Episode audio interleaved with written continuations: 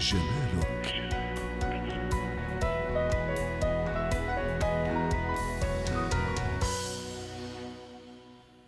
نتحدث اليوم عن عملية تجميل الأنف من الناحية النفسية التجميلية وأيضا الطبية.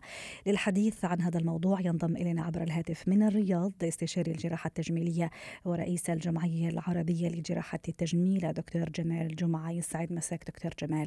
في البداية خلي أتفق أنا وياك وسادة المستمعين أنه التجميل هو الهدف منه أو عملية التجميل الهدف منها تغيير الأجمل وإدخال السعادة أليس كذلك؟ عملية تجميل الأنف ربما هي من العمليات الرائجة جدا. من هم المرشحون لهذه العملية؟ إلى أي درجة أنه لما أنا أقرر أعمل هذه العملية أكون مقتنعة أني راح أعملها؟ أحب أرحب فيكم بالمستمعين الكرام.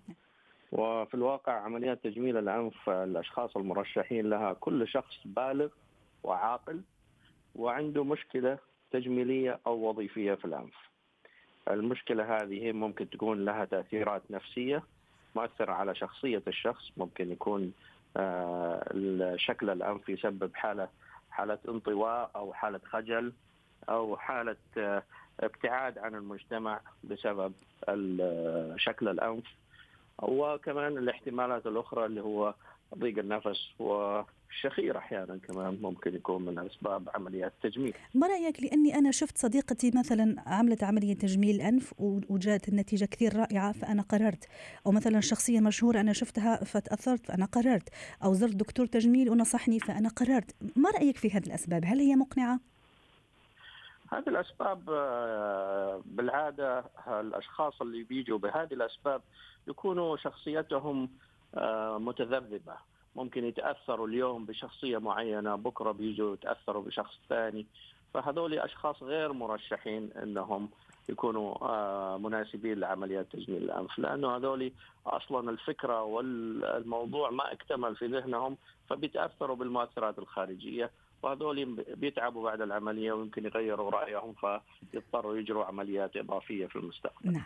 دكتور جمال في فرق بين تجميل الأنف بالطريقة العادية وتجميل الأنف بالليزر وتجميل الأنف بالخيط، ما هي هذه الفروقات ويعني متى تقرر حضرتك كدكتور أني مثلا ألجأ لهذه الطريقة ولا ألجأ لتلك؟ هو طبعا على حسب المشكلة الأساسية اللي موجودة في الأنف. فإذا بدينا في الأنف الأنف يتشكل من الجلد الخارجي يتشكل من غضاريف ويتكون من عظام ويتكون من آه، وتيرة داخلية. فإذا كانت المشكلة مثلا في الجلد الخارجي فعلاجه آه، إما بكريمات التقشير أو بالليزر.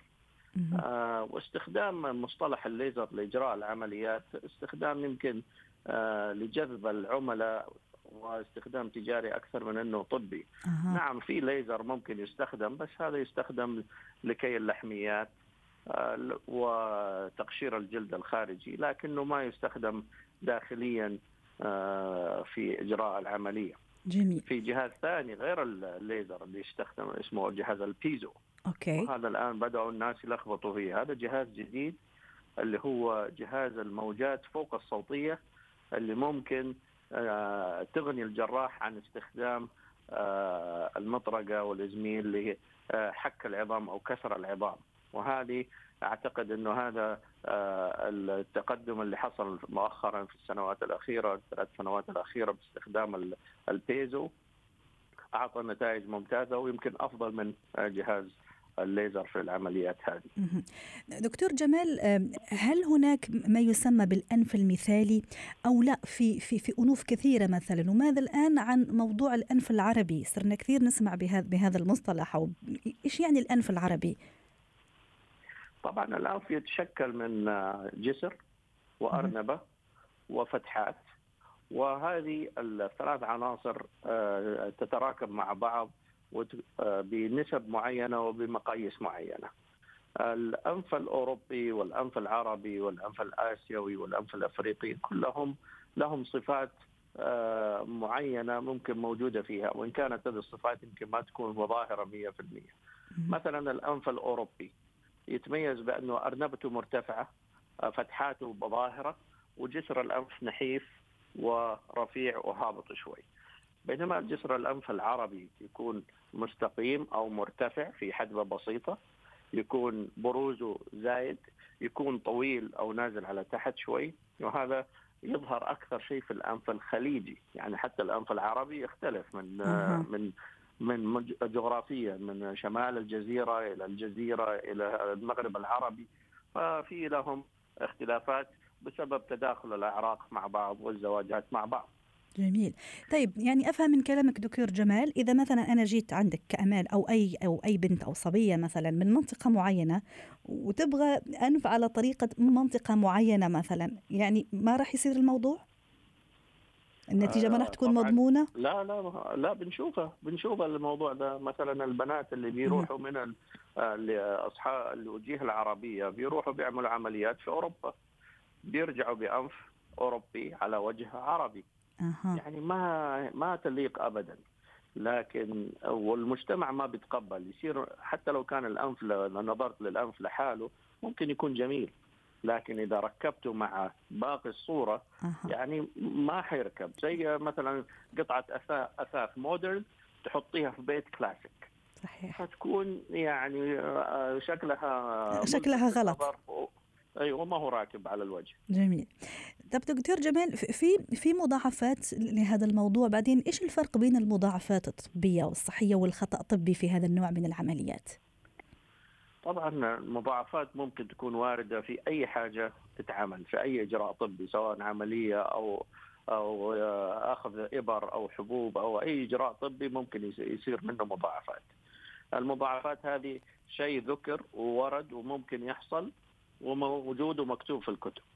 بينما الخطأ الطبي الشيء غير موجود وغير مذكور. مثلا إذا آه، آه، إنسان أجرى عملية آه، أنف وعينه تضررت أو إذا حصل مشكلة في لسانه أو في فم المريض. فهذه المشكلة ما لها علاقة ب الموضوع الأساسي. فيمكن يكون هذه مضاعفات مو مضاعفات هذا يمكن إجراء خطأ طبي. أو إنه مثلا واحد بيعمل عملية في اليد اليمين بدل ما يعملها في اليد اليمين عملها في اليد اليسار. فهذه هذا يعتبر خطأ طبي. فالفرق بينهم فرق كبير يعني. المضاعفات ممكن تحصل بينما الخطأ الطبي هذا عادة نادر. وغير وارد يعني ما نعم.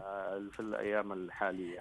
طب آخر سؤال دكتور جمال باختصار في هذا النوع من العمليات إلى أي درجة ضرورة اختيار طبيب أو جراح ماهر وفعلا عنده خبرة كبيرة في هذا الموضوع؟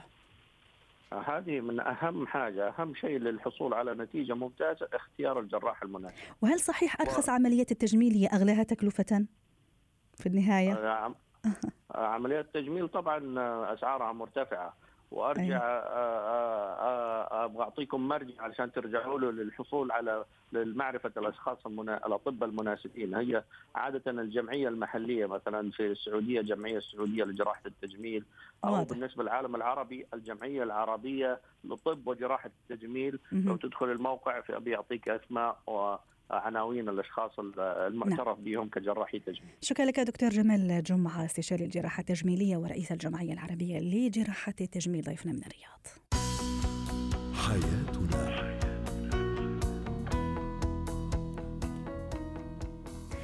ختام برنامج حياتنا شكرا لكم وإلى اللقاء. حياتنا